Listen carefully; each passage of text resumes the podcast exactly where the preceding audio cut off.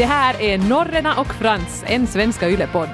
Och det är jag som är Hanna Norrena. Och det är jag som är Eva Frans. Nej, ja. Nej, men vad var Hanna Norrena? Så är det så. Vänskapsrelationer. Ja, oftast så är det ju härliga, underhållande, trösterika och kärleksfulla. Men ibland så är ju tyvärr också vänskapsrelationer eländiga, energidränerande och eh, ja, jobbiga. Blir det riktigt eländigt så kanske man till och med hamnar att göra slut med sin kompis eller märker att åh, kompisen har tydligen gjort slut med mig. Eva Frans, jag måste fråga dig så här inledningsvis. Har du någonsin eh, dumpat en kompis eller, eller kanske till och med blivit ratad av en vän och dumpad och förd till avköpningsplatsen? Mm, jag tror faktiskt jag blev lite förd till avköpningsplatsen här för några år sedan. Det är, det är en lite speciell kompis. Det är en barndomskompis som jag har haft ett sånt här on-off förhållande med sen vi var typ fem år. Och det har alltid varit lite, lite struligt. Och det kanske blev ännu mer tydligt när vi gick i skola för vi var fem flickor på klassen och du hör ju att det blir, mm. det blir problem. Ja, det är alltid en som blir utan. en blir alltid utanför så det var liksom en, det var strid på kniven om att liksom hinna paxa en bästis och man ville helst inte ens vara sjuk för då kunde det ju bli helt nya konstellationer medan man var borta. Nåja, det var stressigt att vara sju år gammal men sen i vuxen ålder så, så hade jag och den här kompisen liksom hittat varandra på nytt på Facebook och lite sådär gilla bilder av varandras barn och, och så här. Och jag menar inte något desto mera. Det var inte snack om att vi skulle träffas utan det var nog bara så här. Eh, men så skrev jag någonting som hon blev väldigt arg på och det var nog någonting som var hemskt oskyldigt. Jag tror jag ungefär skrev att jag tycker att det är dumt att skolan förutsätter att man köper skidor och skridskor åt sina barn varje år. Att ska inte skolan vara gratis? Jag tror det var ungefär det jag skrev. Hon blev jättearg för hon tycker om att skrinna. Och så blockade hon mig och mina föräldrar. På riktigt? så det var ganska, det var ganska barskt. Men du, alltså, du skrev det här som en allmän statusuppdatering då? Det var inte ett meddelande direkt till henne? Att nej, du tycker det är nej, fel, nej. Att, att, bara säga att hej alla mina vänner, att så här tycker jag. Jag var lite annoyed och skrev en status och så var det folk som kommenterade den och det blev en diskussion och jag var säkert lite, lite så här. Jag, jag tyckte inte att det var så allvarligt och, så jag var nu säkert lite, satt mig på den höga hästen och, och raljerade lite och, och hon blev så arg så att det gick på det sättet. Mm. Mm. Men du kan ju vara lite barsk ibland nog i dina uppdateringar. Ja. riktigt sådär, i ärlighetens namn. Jag borde lära mig att räkna till tio förrän jag trycker på sänd. Men uh, alltså hon, du skrev då det här och enbart baserat på det här utan någon förklaring så blockerar hon dig helt och hållet. Ja, så verkar det. Hur kändes det i, i, i dig? Det kändes som right back to 1988. Ja. Så här har vi hållit på i alla våra dagar. Men nu tror jag att vi har gått vidare var och en och att det är slut för gott och det, det är riktigt okej. Okay. Men där blev jag åtminstone ganska tydligt dumpad. Mm. Men du då? Ja, nej, jag har inte kanske så där direkt blivit dumpad av någon kompis. Inte åtminstone att jag skulle ha märkt av det. Det kan ju, givetvis så har jag många vänner som, som aldrig hör av sig något mera. Men, men inte vet jag om det är något större problem. Men äh, jag hade faktiskt en konflikt med en väninna, skulle vara det här förra sommaren, som var kanske lite mer dramatisk än vad man skulle kunna tänka sig. Och vi har varit alltså, vi har känt varandra i 15 år ungefär. Och vi har varit bästa vänner också i många år av de här åren. Nåja, sen äh, så började vi lite så det glida ifrån ifrån varandra men eh, så bad hon mig ändå om en, en tjänst. Att hon frågade att hon skulle kunna få, få låna pengar av mig för att um, köpa mediciner. För hon eh, har ett sånt tillstånd att hon behöver mediciner som är ganska dyra. Mm. Och ibland så kan det vara så att man inte nu helt enkelt har att punga ut med hundratals euro. Sådär. Jag sa att givetvis kan jag hjälpa dig. Att jag gör det gärna. Absolut inga problem och inget bråttom med att betala tillbaks. Och inte mera med det. Jag flyttade över pengarna och tänkte att allting är frid och fröjd.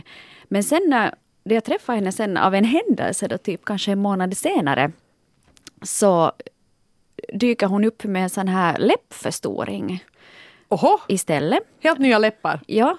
Så det visade sig alltså att hon hade inte råd att betala sina egna mediciner, men hon hade tydligen nog råd att göra en läppförstoring, speciellt då hon hade fått då sina 600 euro av mig. Och jag, jag kände oh. på något vis vet du, lite sådär att jag, jag blev väldigt sårad av det där, för jag kan gärna liksom hjälpa en vän som är på riktigt i knipa. Jag har inga problem med det. Pengar betyder inte egentligen för någonting för mig. Om jag har möjlighet att hjälpa så gör jag det gärna. Men det kändes som att, att, att jag blev bara gravt utnyttjad av den här vännen liksom, som kommer vet du, med sin sorgliga historia att oj, jag och mina mediciner som jag inte kan leva utan. Men sen får du liksom och sätter in sådana injektioner i dina läppar och tycker att det här är helt okej. Okay. Jag vet inte, jag blev, jag blev liksom sårad nog av det här. Jag kan nog förstå det. Skulle hon ha betalat tillbaka till dig och sen blåst upp läpparna så skulle det varit en annan grej. Ja. Kanske hon mitt i allt fick ett jobb eller någonting, fick pengar. Ja. Så, men mm. men det, det, måste jag säga där bara, för jag, jag, tror ju liksom på det här med ärlighet och att man ändå ska vet du, vara mm, ärlig med sina vänner och försöka ha så sanna relationer som möjligt. Det är inte alltid så lätt, men det är ändå bättre att man försöker vet du, köra med raka rör och, och öppna kort. Och så, här. Så, så jag tog faktiskt kontakt med henne då. Ja. Och så sa jag det här att vet du, det känns inte alls bra för mig att, att jag hjälper dig gärna som sagt som en vän då du är i knipa men att det känns som att du utnyttjar mig på det här sättet och det känns inte bra och att jag blev väldigt ledsen av det här. Och sen så blev det lite sådär bråk hit och dit, vilket resulterade att vi inte talade sen med varandra på, på flera månader. Och, och vad heter det, det var ganska sådär, det var ganska ledsamt för jag tycker det är som så onödigt att bråka om pengar. Mm. Men äh, sist och slutligen så tror jag att det bottnar i det att, att hon inte kanske hade i den tiden liksom så mycket mera tid för mig. Att vet du, hon hade inte egentligen tid att träffas men hon tog gärna emot mina pengar. Förstår du? Så jag kanske egentligen kände mig som den där sjuåringen som inte fick vara med och leka något mera. Men har du någonting att erbjuda så kan jag nog ta emot det utan att ge någonting i gengäld. Så, så kanske jag bara hade lite ett sårat ego där och var, sörjde vår förlorade vänskap annars också. Vad är er status idag nu då? No, nu är vi faktiskt vänner igen. No, men vad bra. men där är, jag tror mm. alltså, man kan ju reda upp sånt här, just att ja. om du säger det rakt ut och att du försöker liksom ändå säga det på ett schysst sätt, att du behöver inte börja perkla dig i 190 över, då, över liksom och säga saker som du aldrig kan ta tillbaks.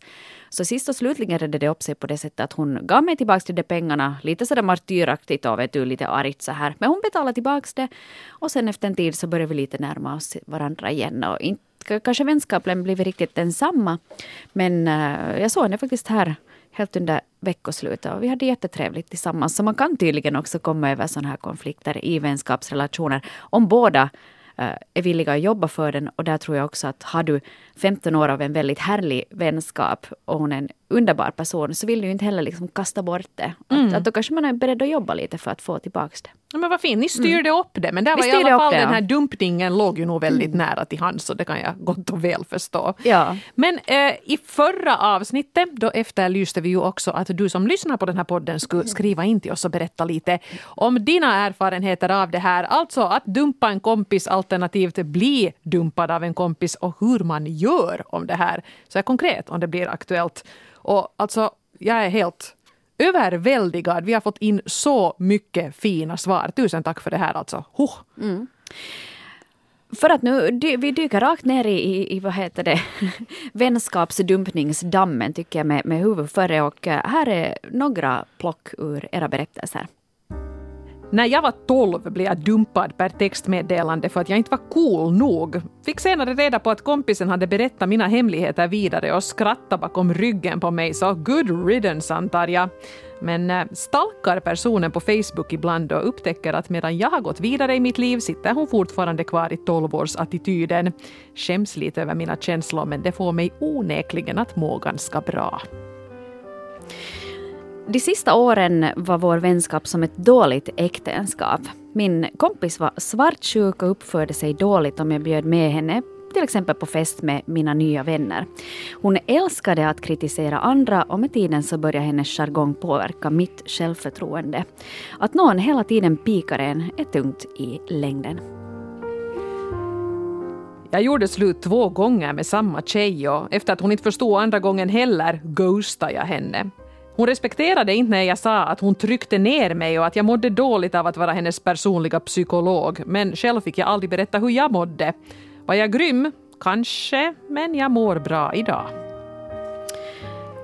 När jag var väldigt ung så kom det fram att en väninna hade pratat och spritt otroliga felaktiga rykten om mig. Sa rent ut åt henne om saken och vi träffas inte mera. Men sen en dag, flera år senare, så står hon på min dotters skolgård och hennes dotter går i samma skola. Händelsen från då vi var unga hänger fortfarande i luften och vi har ingen kontakt. Litar inte på henne överhuvudtaget.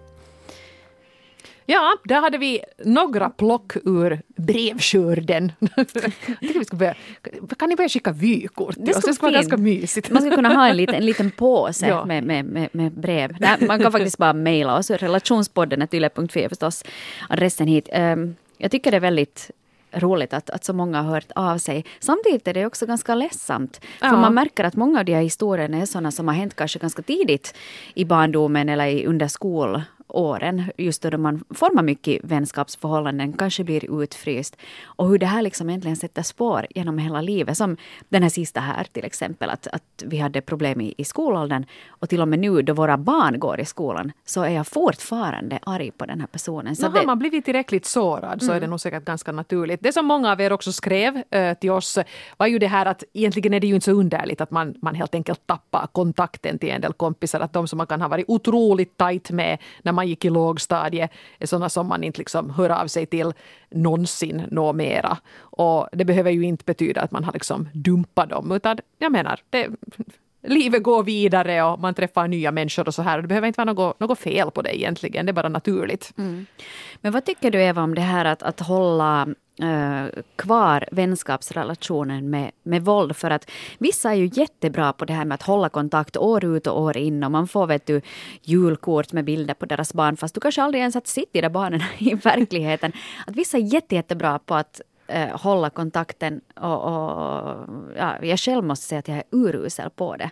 Jag, jag, håller, jag, jag håller kontakten liksom till de som jag naturligt vill hålla kontakten till. Ursäkta nu till alla som eventuellt hör på det här och inte hört någonting om det. Det är inte personligt men det har inte kanske vet du, sådär blivit av, av, av naturliga orsaker. Nej, men man behöver ju liksom kanske lite olika vänner i olika skeden av livet. Och till exempel, jag har varit lite allergisk för det här med eh, sådana här mammakaféer och föräldrakaféer. Usch. Som, som, som man lite sådär Ja, det kanske lite nästan förväntades att man skulle gå på sådana när man fick barn. Och då skulle man sitta där då med en grupp människor som jag inte har något annat gemensamt med än att vi nu har klämt ut varsin röd skrikig kurv på, inom det senaste halvåret. Och det var säkert trevliga människor och säkert skulle man ha kunnat få nya kompisar där. Och för en del är det här säkert livsviktigt, sådana som kanske känner sig ensamma under en eh, föräldraledighet eller någonting sånt här. Så jag vill liksom inte nu, nu är jag inte den här raljerande på det sättet här, utan det där kan säkert funka, men det funkar inte riktigt för mig.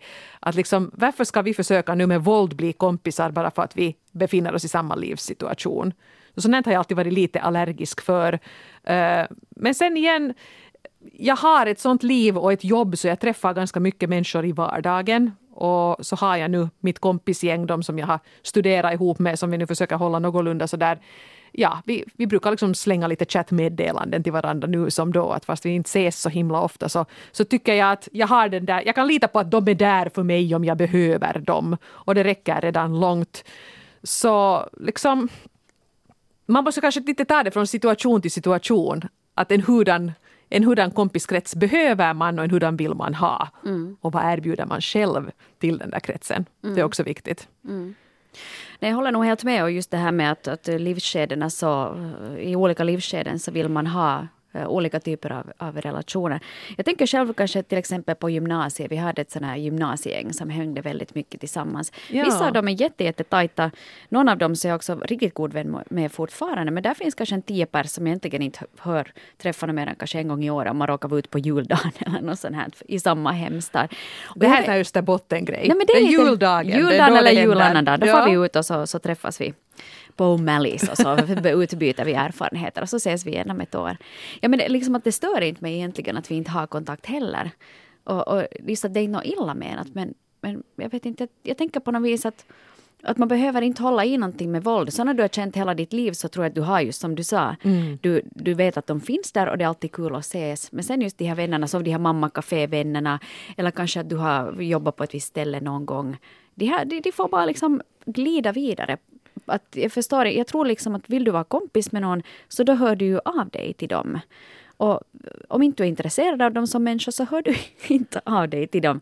Det låter hårt men jag tänker liksom inte liksom naturens naturliga urval. Ja, och så här kanske en del kompisar som jag har lite sådär låter det här lite mordiskt. Det känns lite som att jag skulle ha satt plastfolie på dem och ha dem i kylen och kanske ta fram dem senare. Alltså jag menar, jag har inte på något sätt, det har bara inte blivit av nu att umgås just nu, men jag hoppas lite att vi någon gång skulle hitta tillbaka till varandra för att vi hade väldigt roligt. Jag har alltså inte mördat dem och satt dem i kylen. Det hoppas jag verkligen inte. Men vad, vad vet man vad som döljer sig bakom den fina fasaden där på din mansion? Stort kylskåp. Ja. Ja, ja hördu, jag tänkte bara att här kom faktiskt en av de här berättelserna ett, ett begrepp som jag inte vet om alla känner till och det är det här med att ghosta. Uh, ghosta någon. Mm. Det kanske är ett, ett ord som oftare dyker upp när det gäller dejtande eller kärleksförhållande men går säkert att applicera på kompisrelationer också. Nu måste du förklara det, för jag, jag frågade ju det faktiskt här helt för, för någon timme sedan. Att, att vad, vad är det här med att ghosta? Ja, det är ju det här då att man blir lite som ett spöke. Uh, till exempel, uh, vi pratade ju om, om, om, om dejtande här för Mm. några veckor sedan. Och no, men nu har du kanske varit med om det här du också, att man du lite chattar med någon du har träffat på nätet och sen plötsligt bara försvinner han och svarar inte på någonting. Ah, Då blir du det. ghostad. Okej. Ja, Mm. han har blivit ett spöke. Så att om du ghostar en kompis så kanske det är så att den här kompisen, eller du skickar, eller om du ghostar, du är spöket, att hen skickar Snart är det tycker att- halloween! Hur tycker att det går det här riktigt? Jag är jättebra på att förklara saker Ja. och ting. Skickar en massa meddelanden till dig och du svarar inte. Liksom bara simmar ur bild Ja. på något sätt. Så att det, Eller det är ju... fly, svävar Ja. du, viktlöst ut ur bild. It's not Rena, the friendly ghost. Ja. Men det var någon som hade skrivit in om det här sa du? Ja, det var en av de här berättelserna vi just, vi just hörde om här. Och, och eh, ja, det är ju, det, där är ju frågan då. Vad är egentligen skonsammare och hur schysst är det att göra det här? Alltså ghosta, bara försvinna, låta, låta den här kommunikationen ebba ut när den är så här ensi- ensidig. Att ena är så här, ska vi träffas? Att, kommer du på kaffe? Och man bara så här, väggen på, upp. Vet du, jag måste nog bara st- stampa i golvet här nu liksom bokstavligen. Att göra det här så jag tycker det låter så fruktansvärt elakt. Ja, Jag menar om, om, att bara någon, försvinna. om någon tar kontakt med dig och frågar hej, att hur är det med dig, att hur har du det? Att du inte ens orkar svara på ett meddelande, vet du, who the fuck do you think you are? På riktigt alltså. Hur länge, det tar dig 30 sekunder att svara på det där meddelandet. Ja, men vad svarar du då? Om du inte riktigt vill träffa den här personen? Nej men du svarar, vet du, jag känner att i min livssituation så, så passar det inte med den här vänskapen och sådär. Men jag önskar dig allt gott, ha det fint. Hej då. Ja, no. En- det är ju ja. nog ganska brutalt, alltså det är uppriktigt men det är ju nog, jag menar skulle jag få ett sånt meddelande så nu skulle det ju vara ganska sådär att oho, Ja, men, men hur kul är det sen då att du hör av dig till någon som aldrig hör av, av sig tillbaks? Jag menar jag skulle känna mig, för du går och väntar och tittar, har den där läst, ja den har läst meddelanden men den svarar inte. Det skulle ju vara hemskt tycker jag ja. Men, ska, ja, ja, man, men ska man göra det per textmeddelande då? Ja, eller? det kan, man kan göra det. Om det är någon nu som inte har träffat på 150 år så inte behöver du ju liksom ja. stämma kaffeträffar att göra slut med dem. Inte. Men jag tycker att det är alltid respektlöst att inte svara eller att ignorera någon överhuvudtaget. Så att om ni frågar mig så jag fördömer det här helt totalt. Om du är en ghostare så borde du skämmas. Skäms alla spöken. Mm. Nu slår det mig faktiskt att jag har haft en, en vän som, som vi lite hamnade i en sån här situation för några år sedan och grejen var att jag var inte speciellt tajt med den här kompisen men vi var på något sätt i samma gäng.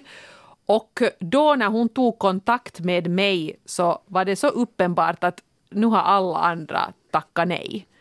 Så hon tar nu mig som, som längst ner på priolistan.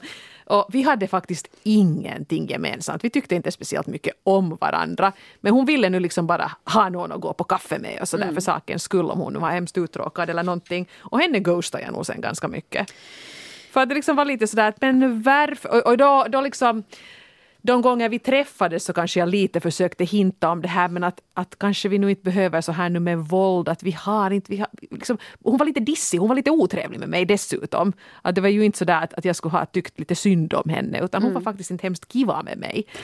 Och då försökte jag lite antyda att jag vet inte riktigt varför vi gör det här och då faktiskt tror jag till sist, det här Ghosta fanns inte då ännu för det här är så många år sedan och lär väl ska vara preskriberat. Man drog ur telefonjacket istället. Ja, men liksom, jag var så att, men varför ska vi umgås? Vi gillar ju inte varandra. Så Du ska kunna skriva det på ett papper och faxa det till henne. Hej! Om det var på den tiden. Du gillar inte mig, jag gillar inte dig, så jag kommer inte på kaffe. Okej, kanske jag ska göra det fram, i framtiden. Mm. Det finns ju ganska många olika sätt att eh, göra slut med en kompis ifall det är så att, eh, att man känner att det här är det, det enda alternativet som finns kvar. Och eh, vi vill faktiskt fråga er där ute hur ni tänker kring det här och, och hur man går tillväga då man ska göra slut med en kompis. Mm. Många jag- berättelser har vi fått in också. Jo, och här är det liksom riktigt så här faktiskt uh, by the book att så här gjorde jag. Ska jag ta och läsa det här första brevet vi har fått här? Jag var väldigt nära vän med två personer. De träffades via mig och så blev de ihop och förlovade sig. Sen var den ena otrogen tillsammans med en av motpartens nära vänner. Mm. Och deras förhållande föll ihop. Jag hamnade på så sätt mitt emellan dem i den konflikten eftersom jag kände dem båda separat från förr. Ingen av dem skötte situationen väldigt bra efteråt. Mm, can't blame them. Och det var väldigt tungt för mig att hålla kontakten med dem båda och vara där för dem. Till sist skickade jag ett långt meddelande till den ena där jag förklarade att det är för tungt mentalt att vara där för dem båda och att jag måste göra ett svårt beslut och nu bryta kontakten med henne. Den här personen förstod, även om det inte heller var lätt för henne. Men det här är ju ganska rakryggat. Ja, det där var väl i din smak då? Ja. Och det var ett meddelande, men ett långt meddelande vad man förklara. Ja men det här är just det där liksom att, att livet är inte alltid så enkelt och, och såklart. Ibland just händer det där och, och nu tror jag att det kanske är ändå bättre att om du nu står där mellan två hötappar och du inte riktigt vet hur du ska välja så du måste ju välja någonting. Och kanske du är en bättre vän då åtminstone till den ena. Om du väljer då, men hej att du är ändå min kanske närmare kompis. Att jag, att jag väljer liksom att backa upp dig. För du kan inte liksom vara sådär å ena sidan och andra sidan i, i slutändan. Det som jag dock funderar på en sak här, nu har vi ju pratat ur vår egen synvinkel och hört också lite andra berättelser, men jag undrar om det är det faktum att det är en man som har skrivit det här som eh, är orsaken till att det var just så här liksom rakt på sak. För karlar brukar ju kunna vara, nu generaliserar jag, men ka- karlar brukar kunna vara eh, lite mer rakt på sak. Uh, så att nu är det på det här viset och hej då och that's it. Medan kvinnor kan vara lite sneaky och ghosta och vet du, ja lite sådär glida undan kanske. Eller är det bara jag som tänker att det ligger något i det? Ja, men där, där är vi ju kanske nästan tillbaka till det som jag var inne på här i början. Det här med när man var liten och det var det här racet om vem som han paxa en bästis. Och ja, visst nu generaliserar jag också, men jag tycker inte att pojkarna höll på på det där sättet. De låg nu i en stor hög mitt på skolgården och, och slog varandra. det var mycket bättre. Nåja, men, men du vet, liksom, för flickor fanns det här, den här eh, scenario med den här hjärtevännen och då kan det också bli ganska mycket sådana intriger och att man går bakom ryggen på varandra och liksom det är sådana spänningar och man måste hela tiden kämpa för att man liksom inte ska bli den som är utanför. Och jag vet inte, jag tycker, jo faktiskt bra att du poängterar att det var en man som skrev det här, det här brevet. Eh, det här var ju nog ändå ganska liksom tydligt och jag tycker att gör man på det här sättet så har man ju också en bättre förutsättning att kanske om fem år återuppta kontakten. För att det var så tydligt. Att du vet ju det här att jag liksom så att säga gjorde slut med dig för att den där situationen var så inflammerad. Men nu när allt har lugnat ner sig, ni är båda ni har båda hittat nya, båda har blivit ganska lyckliga. Nu ska jag gärna vara kompis med er båda igen. Så jag måste säga att, att jag, I'm impressed. Det här blir jag inspirerad av och det här ska jag försöka komma ihåg. Att så här kan man göra, fast det säkert är hemskt tungt att skriva det där meddelandet just då. Absolut. Nej, jag, jag lyfter på hatten för sån här rakryggat beteende. Hej, men vi har fått ett brev till. Ska, du, ska du ta och läsa upp det? Yes. Min vän var lite för naiv för mig, men supervänlig. Jag gillade att göra äventyrsfulla saker medan hon föredrog att vara hemma. Det hade hänt förr att folk hade ghostat henne tills hon slutade försöka hålla kontakten men eh, jag kände att hon inte var värd ett sånt beteende. Hon är verkligen en vänlig och genuin person och jag kände att hon förtjänar att förstå varför. Så en dag så träffades vi. Hon berättade att jag var en nära vän. Det gjorde förstås inte hela situationen lättare för mig. Men eh, jag tog upp saken med henne, sa att eh, jag kände att jag behöver en paus i vår vänskapsrelation. Jag förklarade tydligt att det inte var något illa menat mot henne, utan endast att vi hade vuxit ifrån varandra. Jag berättade hur jag kände och sa att hon förtjänar en vän med gemensamma intressen som också såg fram emot att träffa henne lika mycket som hon såg fram emot att träffa mig. Förstås så blev hon otroligt ledsen. Hon berättade att hon nog märkt att vi glidit ifrån varandra på den senare tiden och vi gav varandra en stor kram. Där var då en som hade valt att... att jag, jag får så illa Nej, men det, det här är den obesvarade ja. kärleken bara liksom i ett vänskapsformat och alla mm. vet ju det. Att du gillar någon, du vill vara med någon och den vill inte vara med dig. Det känns ju bara liksom illa. Ja. Men det är också... Låter det här jättestroppigt men jag till exempel, jag inser att jag har inte hemskt mycket fritid. Och den fritid jag har så måste jag nu i första hand förstås då ägna med min familj. Och det vill jag ju göra också. Och när jag nu sen har en lucka här och där för att liksom för att umgås med vänner så då, då är det nog helt egoistiskt tänkt att då vill jag umgås med de vänner som jag verkligen vill umgås med och inte liksom Liksom, tänk om man flera gånger i veckan skulle måste gå och sitta på kaffe med någon för att man tycker lite synd om den. Mm jag har inte liksom tid och jag har inte riktigt kapacitet. Och nu vill jag inte säga har, har man en kompis som mår hemskt illa uh, och man känner att man måste hjälpa den, då är det klart, då prioriterar man ju på ett annat sätt. Att det är inte det jag pratar om här nu, men, men om någon nu liksom sådär lite vill hänga på, om man inte riktigt kanske ser varför. Ja. Usch, ja, men, känner jag mig jätteoschysst som resonerar så här men att nej, men det går inte. Mm, nej, jag, jag förstår det helt bra men jag menar du idkar ju ingen välgörenhet på det sättet. Nej, och, och så jävla trevlig är jag ju inte. att det ska vara så kul att hänga med mig. Men sen är det ju inte heller, det är ju inte en ärlig relation. Att på det sättet tycker jag ändå att den här personen som skrev den här berättelsen ändå har, har vågat ta tag i det. För att det är ju inte en ärlig vänskapsrelation om, om jag på riktigt inte tycker om dig. Men jag bara låtsas att jag tycker om dig. Inte det är ju en vänskapsrelation utan det är ju liksom ljugerier. Mm. Det, det är inte ett ord kanske Eva? Du är författare, ljugerier är inte ett ord. Du kan säga att det är ett sådant Hanna-ord. Ja, jag ser att det är ljugerier. ja, du får säga, ja. så du trademarkar det. Ja, Nej, men på det sättet tycker jag ändå att det här är också ett rakryggat sätt att göra det på. Mm. Och sen att, att eh, hej, att vet du, lite, nej men det är som vet du, dejtande också, att hej, att vi passar inte ihop, men jag hoppas att du hittar en kompis som vill göra just samma saker som en sån här hemma, hemmakatt som du är. Och, och, du kan hitta någon annan som också tycker om att sitta hemma och pyssla och fixa och mysa. Och jag hittar någon som jag kan gå ut och hoppa fallskärm med. Och så är vi alla nöjda. Stackars naiva vänner som har blivit ghostade av många och sen ännu fick det här. Jag menar, jag måste säga, du, du som skrev det här, det här var absolut det bästa man kunde göra i den här situationen. Jag tycker att du ändå skötte det hemskt mycket snyggare, men jag får ändå så illa att vara. Mm. Ja. Och sen, mm. och sen är det ju också den där frågan att, att um, jag menar, jag, jag är lite sådär blödig av mig. Så jag tänker ju på något vis att att, man, att de som behöver en, så behöver en av en orsak. Ja. Om du är en god människa så då kanske du inte behöver fokusera på att vad ger det här mig?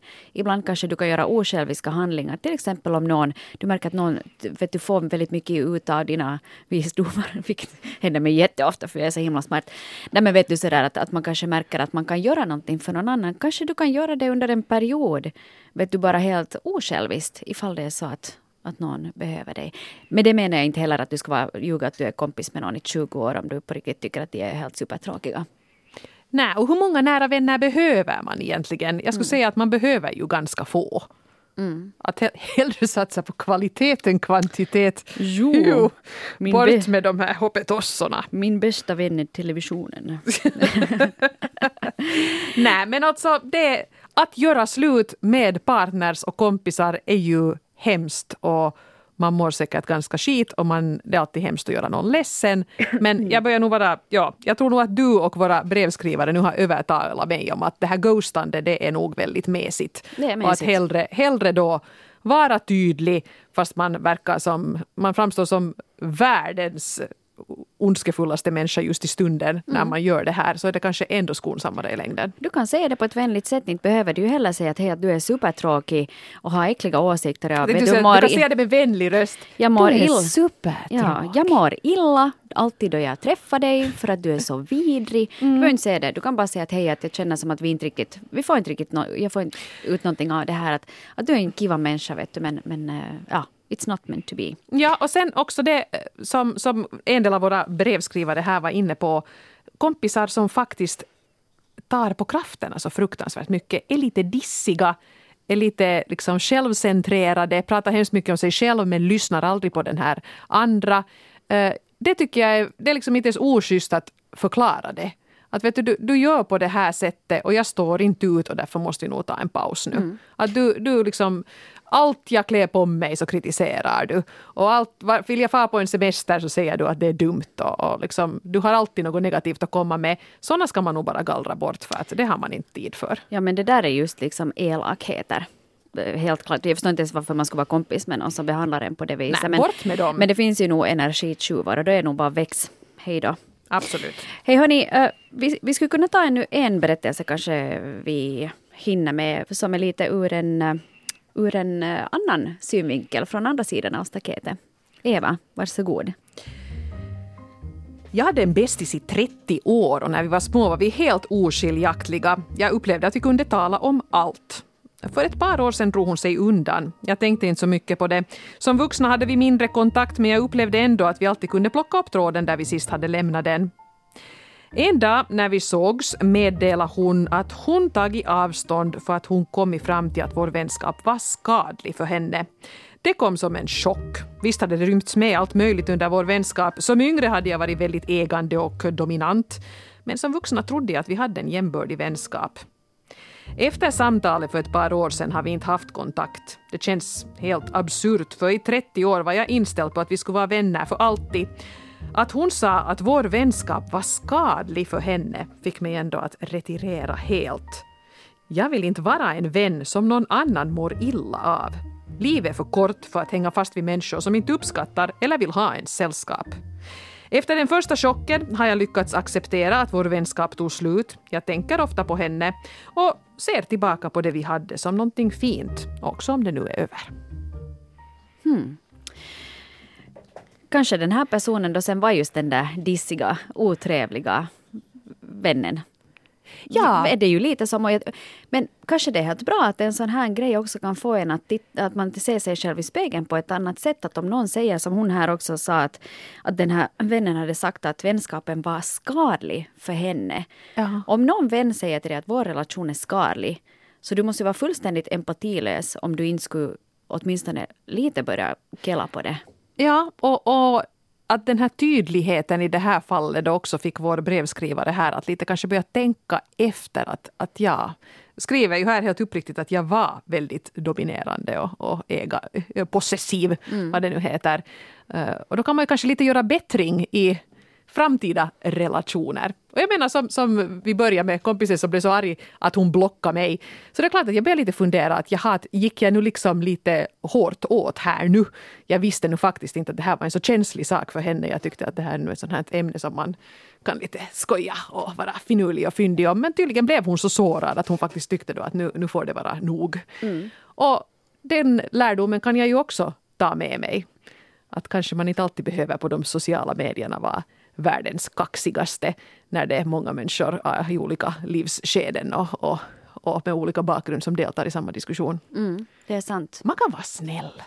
Allt, alltid. Alltså jag, jag tror ju mycket, väldigt mycket på snällhet. Och sen självrannsakan också. För det är nog alltid lätt att sitta på något vis och skylla på alla andra och peka finger och så här. Att jag tror nog att man mår, äh, att man kan växa av det att man sen tar sån här feedback verkligen på allvar. För du vill ju inte heller vara den där kompisen som alla pratar lite skit om bakom ryggen. Att ja, men hon är ju sån och vet du, ingen orkar med henne. Men hon får nu vara med bara för att, för att ja, hon har nu alltid varit med. Eller Nä. han. Jag menar. Kompisar är, alltså vänskap är ju ändå ett give and take scenario om du aldrig ger någonting själv. Du aldrig själv tar initiativ till att ska vi träffas, ska vi göra, till, göra någonting. Så då kanske du nog också måste lite lite inse att ja, men du kan bli dumpad bara farten i något skede. För att mm. det kan hända att de tröttnar. Vårda de vänskaper du verkligen vill ha. Mm.